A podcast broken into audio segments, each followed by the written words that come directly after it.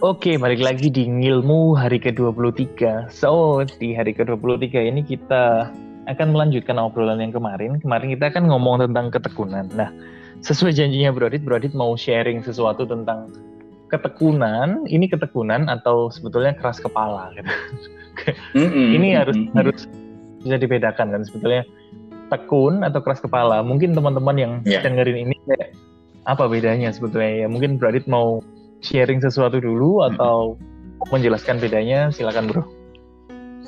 Oke, okay, uh, eh, iya kemarin waktu pas kita ngobrol, uh, saya menyadari ya uh, hmm. bahwa ketekunan itu sebenarnya distraktornya ada dua, antara hmm. kita nggak tekun karena kita punya banyak pilihan atau punya banyak alternatif, uh, tapi bisa juga uh, kita itu tekun Uh, kita tuh nggak tekun sebenarnya, tapi hanya keras kepala, kayak gitu.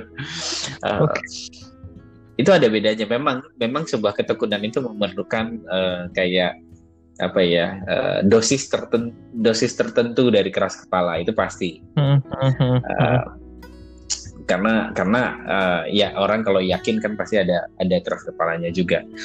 Cuman ya betul. Mungkin ini saya mungkin saya juga uh, mengingat beberapa kejadian kehidupan saya, beberapa satu satu season sih sebenarnya dalam kehidupan saya, uh-huh. uh, itu di mana saya struggling benar-benar untuk uh, mengerti atau mengenal apakah uh-huh. saya ini sedang sedang tekun berjuang atau saya sedang keras kepala, gitu. Uh, okay. di, itu ya waktu itu terjadi dalam dua aspek kehidupan saya sebenarnya di di relationship dan di pekerjaan. Uh-huh Kayak, kayak gitu. Jadi uh, ini kalau misalnya di relationship itu uh, sebenarnya situasinya sudah nggak bagus gitu ya intinya. Hmm. Uh, cuman cuman memang karena kita sudah sangat lama waktu itu uh, kita mencoba untuk memperbaiki apa namanya hubungan uh, berulang kali tapi susah gitu. Jadi memang di relationship tersebut juga nggak sehat komunikasi, emosi dan lain sebagainya gitu. Uh, membuat membuat satu sisi juga jadi tidak produktif secara kasir, eh secara kasir, secara karir. Nah, uh, di dalam karir itu juga demikian gitu. Ada ada situasi, ada ada posisi, ada tanggung jawab di mana saya kayak uh, saya nggak ngerasa berhasil sebenarnya melakukan itu atau atau apa namanya merasa uh, baik uh, performance-nya dalam pekerjaan saya itu hmm. um, walaupun banyak yang bilang itu kayak perasaan saya aja sebenarnya nggak kok gitu nah oh. cuman saya ngerasa kayak uh, apa namanya nggak nih gitu kan uh, masih banyak yang harus diimprove dan lain sebagainya hmm. uh, itu saya sih merasanya menghadapi banyak masalah gitu banyak uh, banyak masalah, ada kegagalan juga dan uh, kok nggak nggak benar-benar terbuka ya pintu dan lain sebagainya gitu kan, pintu kesempatan dan lain sebagainya kok nggak nggak banyak ya gitu. Hmm. Uh, saya waktu itu apa namanya sempat berpikir bahwa oh ya mungkin ini memang harus diakhiri, memang ini bukan tempat saya, mungkin seperti itu ya. Uh, cuman saya selalu terintimidasi sama satu ungkapan gitu. Apa itu? Don't don't be a quitter, be a finisher gitu kan. Oke. Okay. Terus jadi ya kudu ini apa namanya uh, jangan nggak boleh berarti di tengah jalan dan sebagainya gitu kan harus mm -hmm. harus terus uh, finish itu berarti kayak apa yang sudah menjadi apa yang sudah dipercayakan itu harus benar-benar kelar ya itu idealnya begitu maksudnya uh, kalau teman-teman bisa ya udah gitu cuman um, ada juga ada ada juga momen-momen yang ternyata itu kita hanya uh, maksa aja. Sebenarnya Tuhan juga nggak mau, Tuhan juga nggak mau kita melakukan itu. Tuhan juga pengennya kita udah cabut, kita udah hmm. move on, kita udah atau kita melakukan sesuatu yang lain atau explore yang lain gitu. Tapi kita yang nggak nggak bisa, uh, nggak uh, berani. Contohnya mungkin kalau uh, ada teman-teman yang uh, kapan hari itu ada ada ada cerita dari teman saya. Jadi dia hmm. udah ngalamin nggak uh, ini di kerjaannya gitu kan nggak nggak fit in di kerjaannya dan dia sudah merasa bahwa apa pun dia dia udah merasa dia udah extra miles dia udah kerja sungguh-sungguh tapi nggak ada hasilnya kayak gitu. Mm-hmm. Dia kayak uh, enggak sih ini anu apa namanya tuh nggak bisa kayak gini dia sendiri secara psikologis juga mulai nggak sejahtera gitu. Oke. Okay. Cuman dari atasannya teman-teman yang bilang kayak nggak kamu belum put the best effort di sana gitu kan.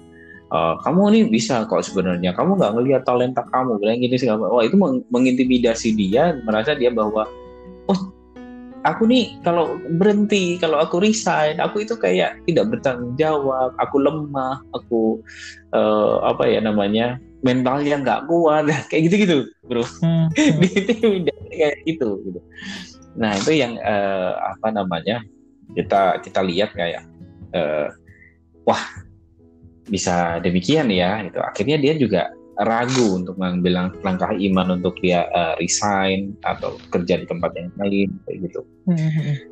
nah uh, itu sih ya uh, sebenarnya yang kadang kita saya kalau misalnya diminta terus gimana caranya bro kita supaya tahu kapan kita itu dibilang tekun kapan itu kita dibilang yeah. keras kepala huh?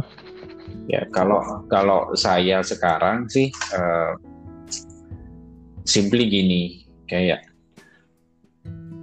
kalau kita mengalami beberapa kegagalan gitu ya atau nggak ada kemajuan gitu hmm. dalam satu hal uh, ya simply berdoa sama Tuhan ya pertama itu ini maksudnya apa, situasinya seperti apa. Terus kita reflect back. Sebenarnya kita sudah melakukan yang terbaik nggak sih? Hmm. Kita melakukan yang kadang kita melakukan yang terbaik tapi nggak ada achievementnya. Itu achievement yang dilihat dunia mungkin. Iya. iya. Tetapi dari proses seperti itu apa yang yang uh, apa dalam diri saya yang tumbuh gitu atau sebaliknya, apa dalam diri saya ketika saya melakukan semua ini yang ternyata mengalami kemunduran. Contohnya kayak teman saya tadi, hmm. ternyata malah self confidence-nya turun. Hmm. Confidence-nya turun, terus uh, apa namanya uh, kestabilan emosinya dia turun, hmm. kayak gitu. Fit, secara fisik pun saya udah ngelihat kayak berbeda. Gitu.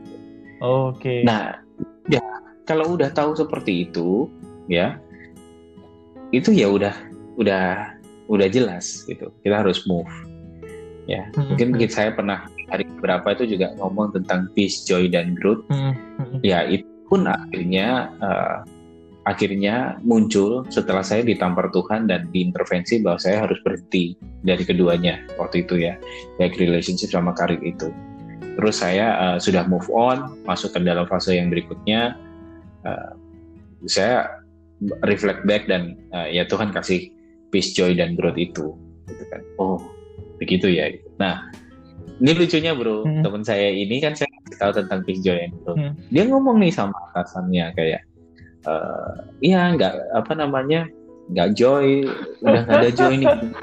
Atasannya bilang loh ya mem ya nggak bisa dong kamu mem apa berharap ada joy terus gitu. Ya pasti ada momen-momennya. Lo betul gitu. Cuman nah ini kita juga harus melihat konsistensi dari situasi. Ya kalau cuman sesekali nggak joy gitu kan ngerasa nggak senang capek mungkin atau bosan itu wajar. Hmm. ya obati obati dengan selah hmm. obati dengan uh, refreshing lah gitu ya.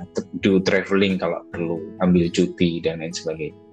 Tapi kalau misalnya nggak misalnya setelah melakukan itu pun feeling itu masih tetap ada, nggak joy itu tetap ada, ya itu bukan cuma sekedar bosen. Iya. Kan kayak gitu. Setuju, setuju. Iya benar sih. Itu kan nggak cuma kayak gitu. Benar, karena ya uh, karena joy itu datangnya dari dalam. Kalau dari luar tuh toy. iya benar. Ya gitu sih. Jadi kalau saya melihatnya uh, itu membedakan keras kepalanya atau enggak.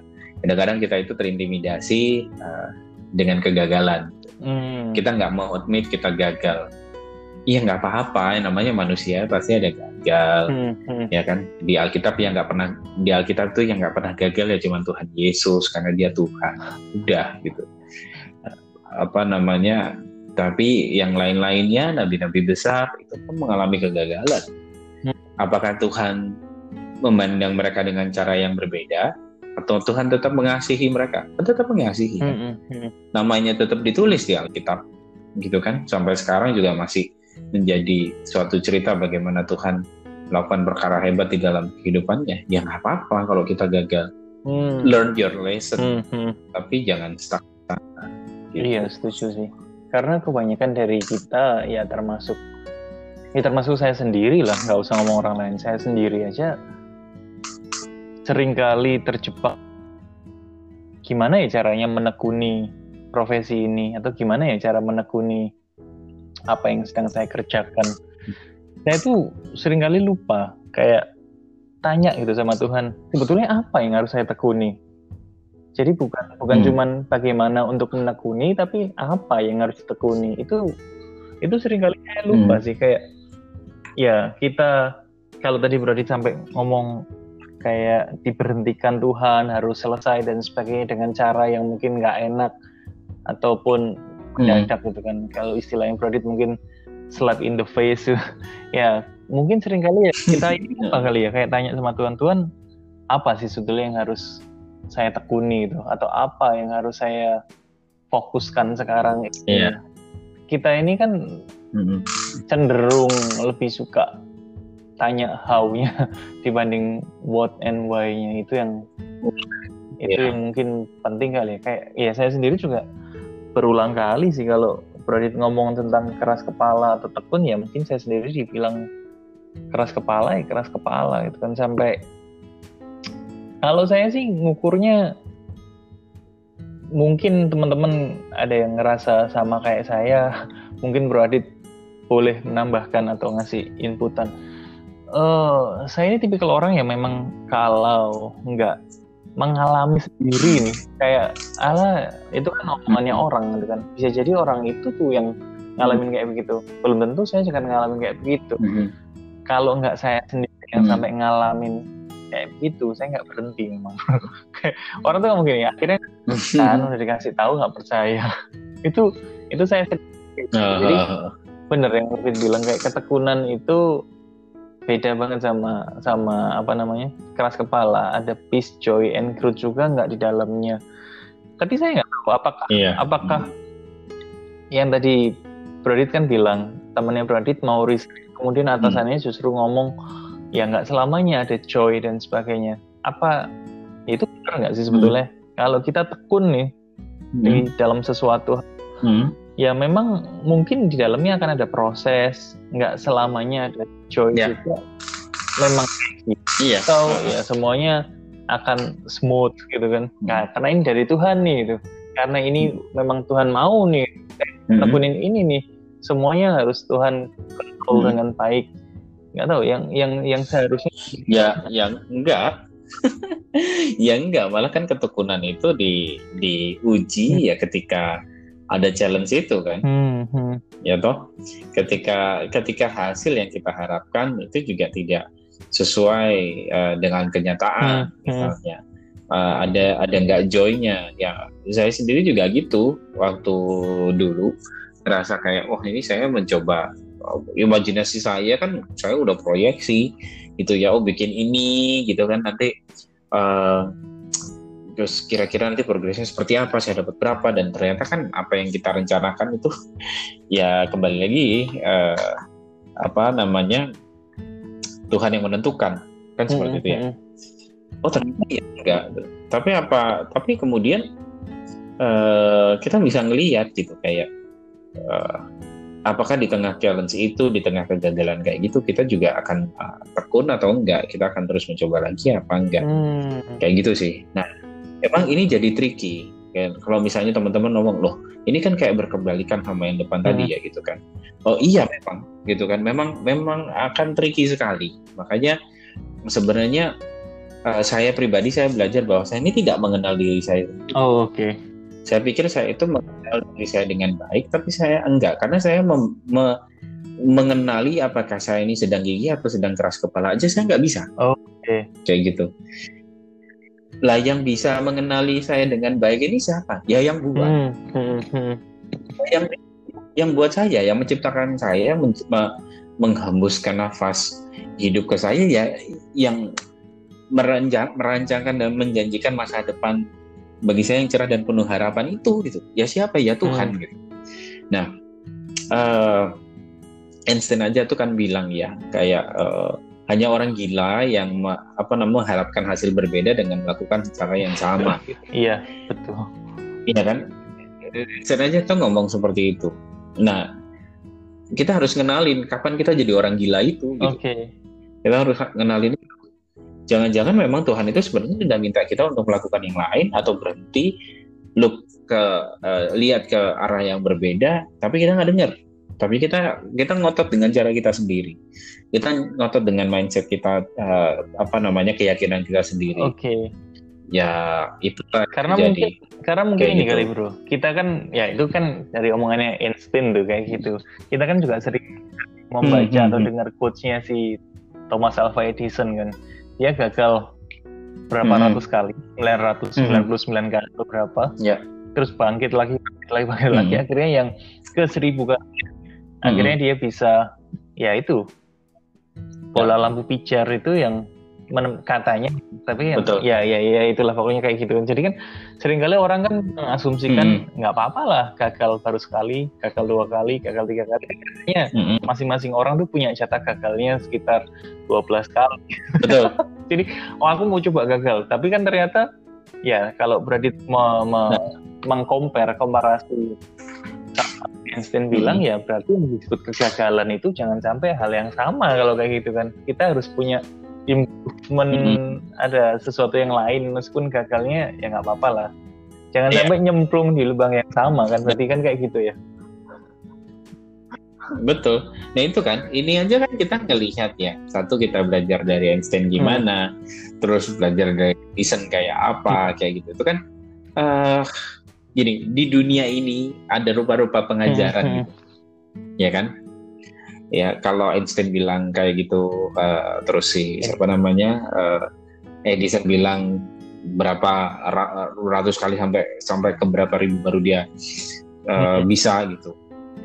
Dan ada, ada lagi yang ngomong kalau punya telur banyak taruh di satu kantong supaya lebih aman ngejaganya. Ada lagi yang ngomong tentang uh, oh taruh taruh telur itu di banyak keranjang supaya kalau ada ada satu yang jatuh yang lainnya hmm. masih ada nah ini kalau misalnya kita pikir-pikir itu yang mana yang benar yeah, kan uh -uh. gitu ya itu yang mana sih uh -uh. yang benar kalau bagi saya itu semua logis okay.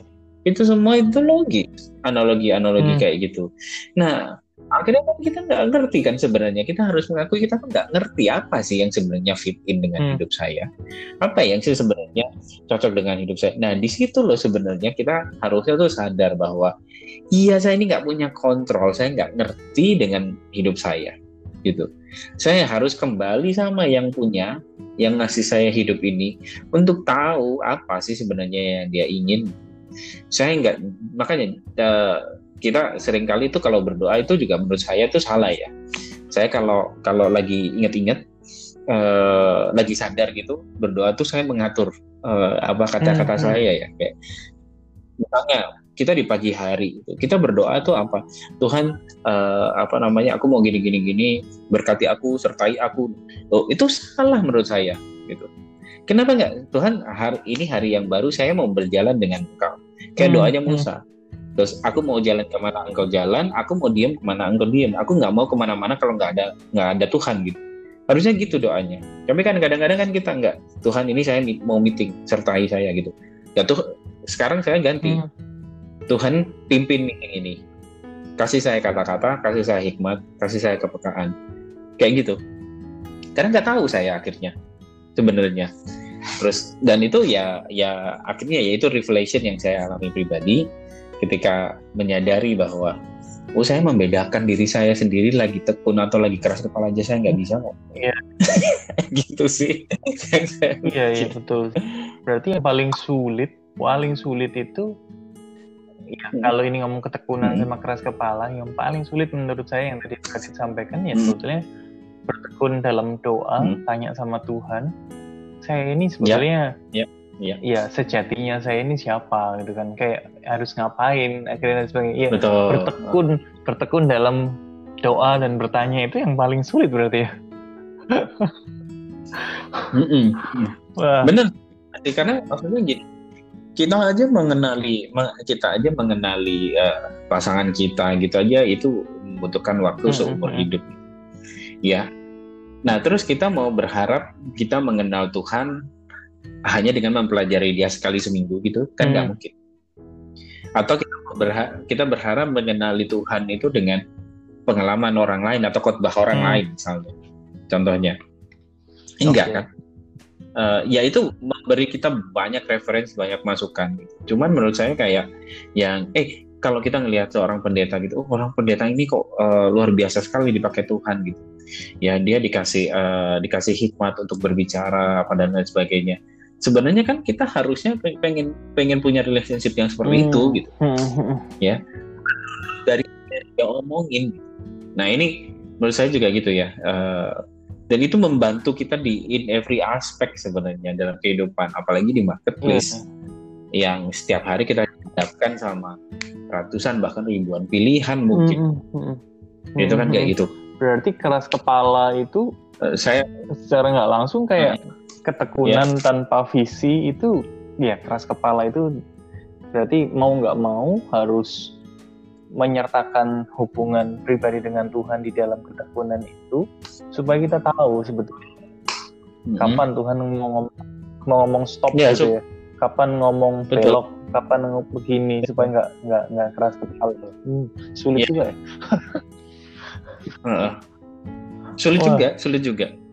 Eh, gitu ketekunan itu mungkin adalah satu eh, keras kepala itu mungkin adalah ketekunan tanpa Hmm. pemahaman pemahaman Bro Abed bilang pemahaman tentang Hmm. siapa diri kita tentang purpose kita apa Hmm, visi hmm. kita apa gitu ya eh, si Andrew itu kan Andrew nulis itu pernah ngomong kan Hmm. kayak di tulisannya ya eh, apa namanya kalau visi itu nggak boleh belok Iya, gitu iya. kan nah eh, apa eh, apa kon- konsisten di visi, fleksibel di fungsi, oke. gitu kan. Nah sekarang kita punya satu satu satu visi, gitu.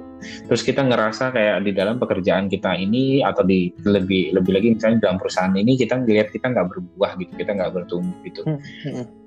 Ya apa ya maksudnya? Ya keep the visi kan, tapi visi itu kan nggak harus dilakukan atau diselesaikan di dalam Hmm. perusahaan itu atau dengan cara atau di bidang bidang apa pun ya yang kita lagi uh, Hmm. tekuni sekarang gitu.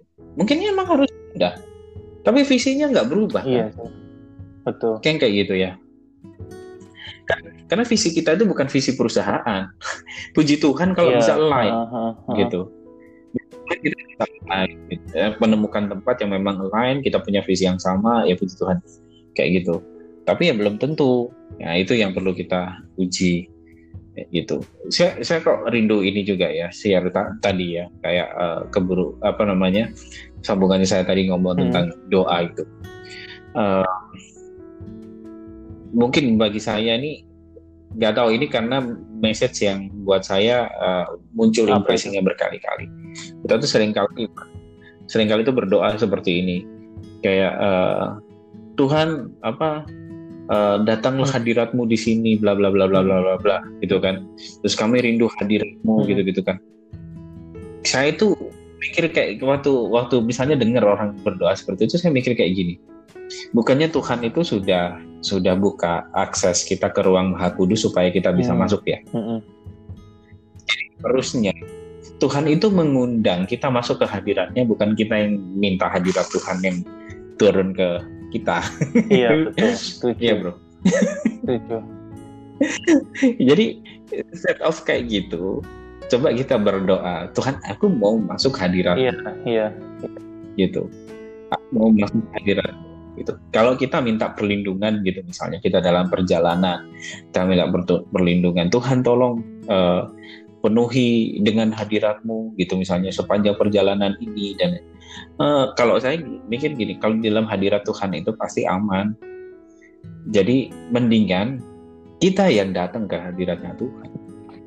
Jadi berdoa Tuhan masukkan saya bawa saya tarik saya ke dalam hadirat Tuhan iya iya sepanjang hari ini.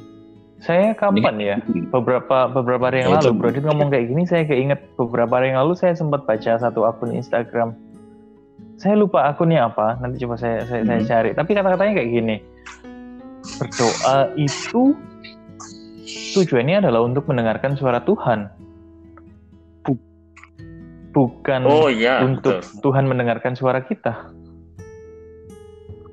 Si- siapa ya tadi? Benar-benar. Itu Berabet ngomong juga. Siapa yang ngomong ya?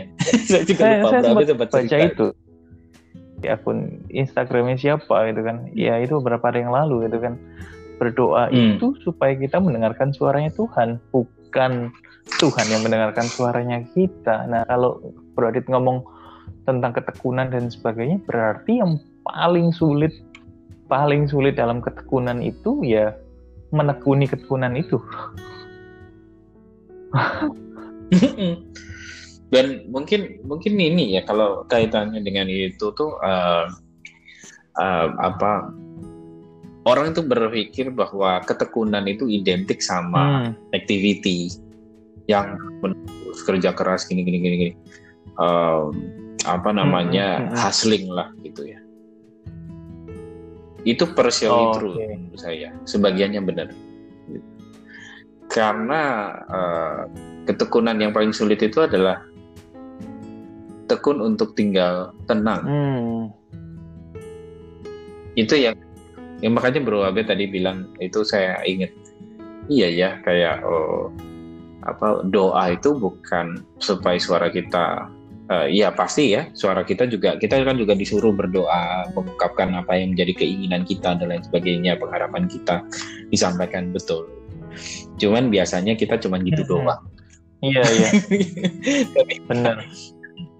nggak tinggal tenang merenungi mendengarkan Tuhan itu mau Iya iya. Berarti apa. ketekunan itu bukan tentang activity, tapi Mm-mm. tentang connectivity sama Tuhan.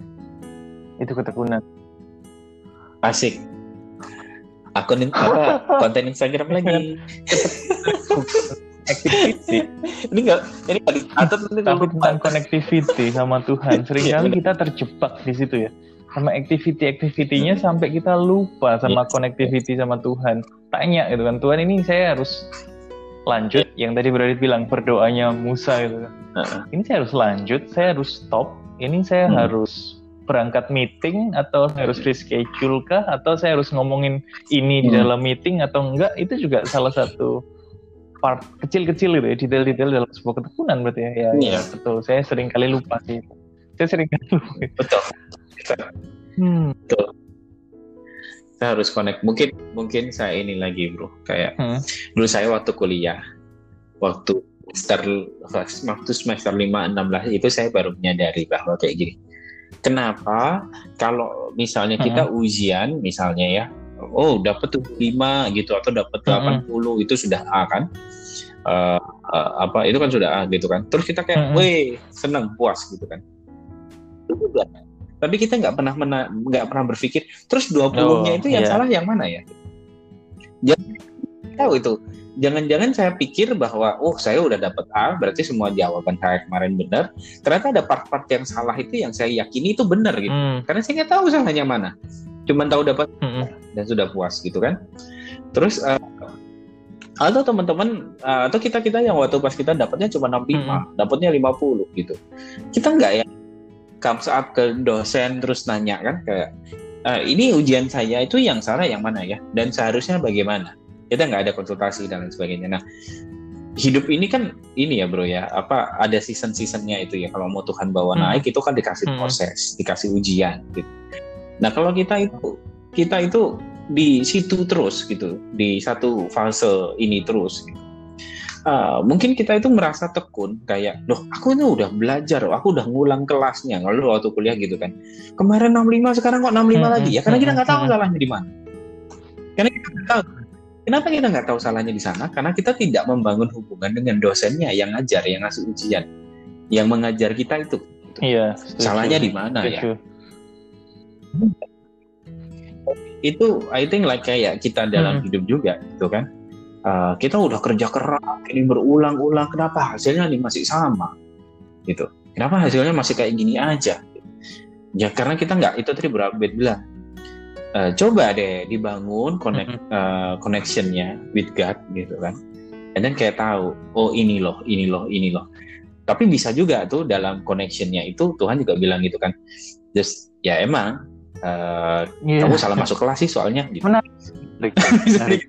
ya kamu jangan masuk kelas soalnya ya udah nggak apa uh, ya udah emang gini udah kamu ke situ aja kamu campur aja ke sana. Iya gitu. ya kan bisa aja loh. Nah itu yang yang uh, kata Bu Rabi tadi ngomong connectivity.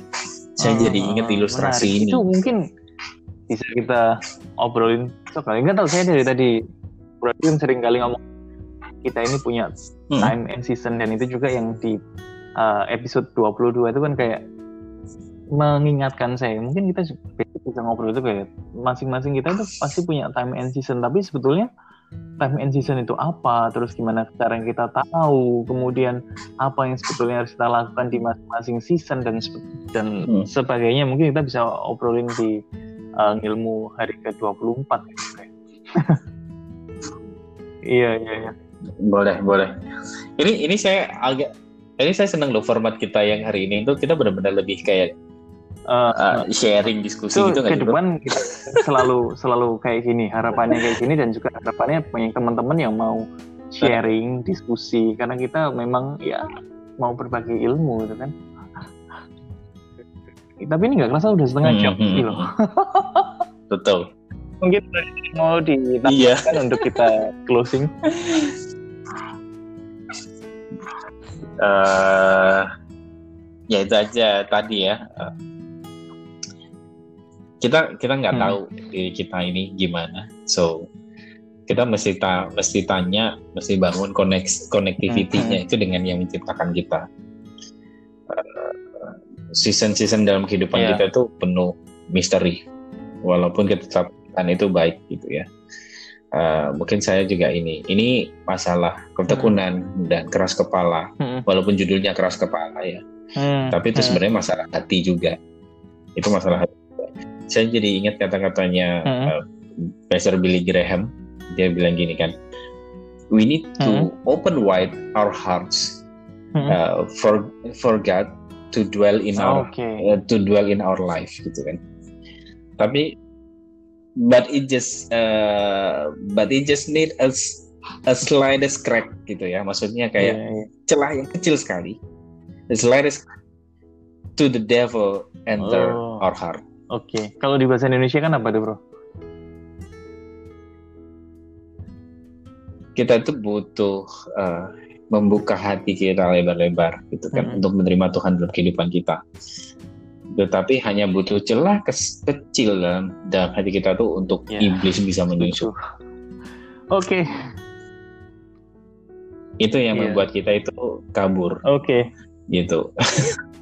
Makanya ya menarik sih. Kita penuhi dengan obrolan kita di di episode ini menarik, tapi ya mungkin kita harus batasin juga karena memang keterbatasan waktu. So mungkin kalau kita mau refine lagi tentang ketekunan hmm. di episode-episode ke depan juga it's okay sih menurut saya. Atau juga ada teman-teman yang mau sharing yes. menghadapi something di marketplace, itu itu di pekerjaan, di bisnis, di apa pun kalian pasti menghadapi itulah ketekunan dalam sesuatu yang mungkin kita juga bisa belajar dari kalian semua benar-benar welcome ayo kita ngobrol bareng so malam ini mm-hmm. juga saya mm-hmm. diingatkan banyak hal gitu kan terutama tentang ya itu tentang hubungan pribadi dengan Tuhan untuk supaya nggak keras kepala. So thank you banget Bro Adit mau sharing, kita saling diskusi. Thank you juga teman-teman semua yang dengerin ilmu sampai episode ini di episode 23 itu benar-benar semoga memberkati kalian itu. Itu yang mungkin saya, saya bisa sampaikan thank you gitu aja sih. Yes. So, thank you Adit, thank you semuanya. Hmm. See you thank tomorrow you, di pertemuan selanjutnya di episode ke-24. So, God bless you and God bless you all teman-teman. Thank you.